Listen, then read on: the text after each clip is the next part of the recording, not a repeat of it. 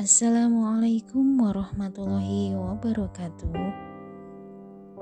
Selamat jumpa, sobat pendengar semuanya, di lini masa radio bersama saya Umu Julfa. Kali ini masih membahas mengenai hal-hal yang menyebabkan rasa ketidakpercayaan diri itu muncul ya. Selain yang sudah kita bahas sebelumnya, yaitu bahwa tidak memiliki pemahaman yang gamblang tentang apa yang akan disampaikan, maka selanjutnya kita uh, beranjak ke poin yang kedua bahwa uh, boleh jadi ya sobat sebenarnya rasa kurang percaya diri itu muncul dari pendapat bahwa materi yang disampaikan itu terlampau tinggi gitu. Sehingga ujung-ujungnya uh, tidak berani menyampaikan materi tersebut ya. Nah, pendapat demikian tidak serta-merta salah gitu. Boleh jadi pendapat ini benar bila disampaikan kepada orang yang tidak tepat pada waktu yang tidak tepat. Misalnya uh, ini ya sob, membicarakan persoalan kiat-kiat membentuk keluarga sakinah kepada anak-anak berumur 7 tahun yang daya jangkau pikirannya itu belum tegak dalam tanda kutip ya namun uh, tidak mutlak demikian gitu ya.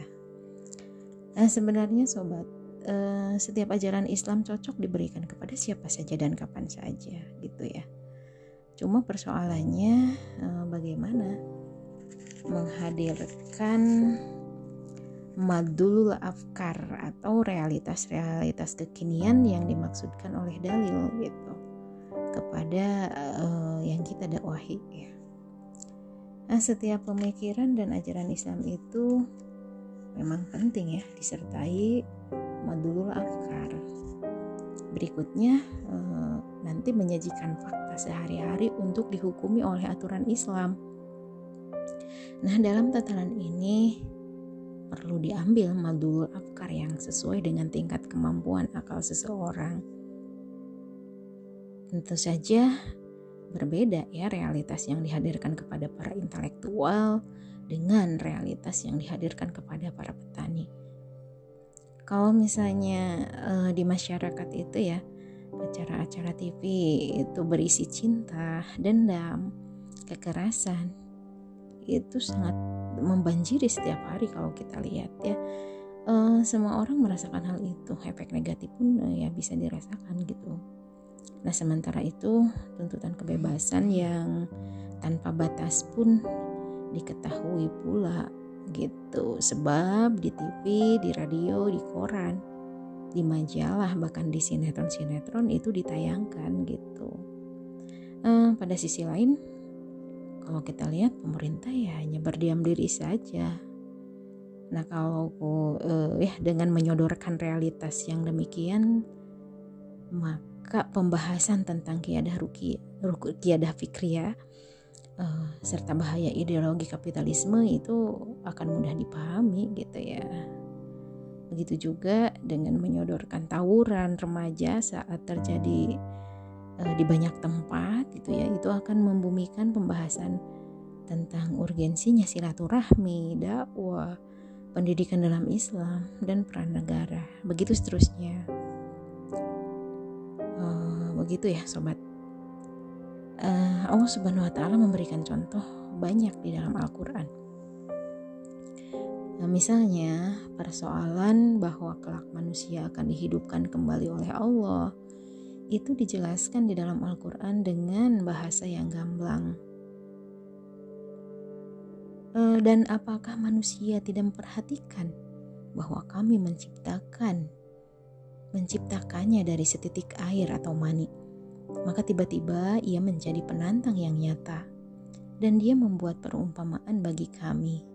Dan dia lupa kepada kejadiannya. Ia berkata, siapakah yang dapat menghidupkan tulang belulang yang telah hancur luluh? Katakanlah, ia akan dihidupkan oleh zat yang menciptakan kali yang pertama. Dan dia maha mengetahui tentang segala makhluk.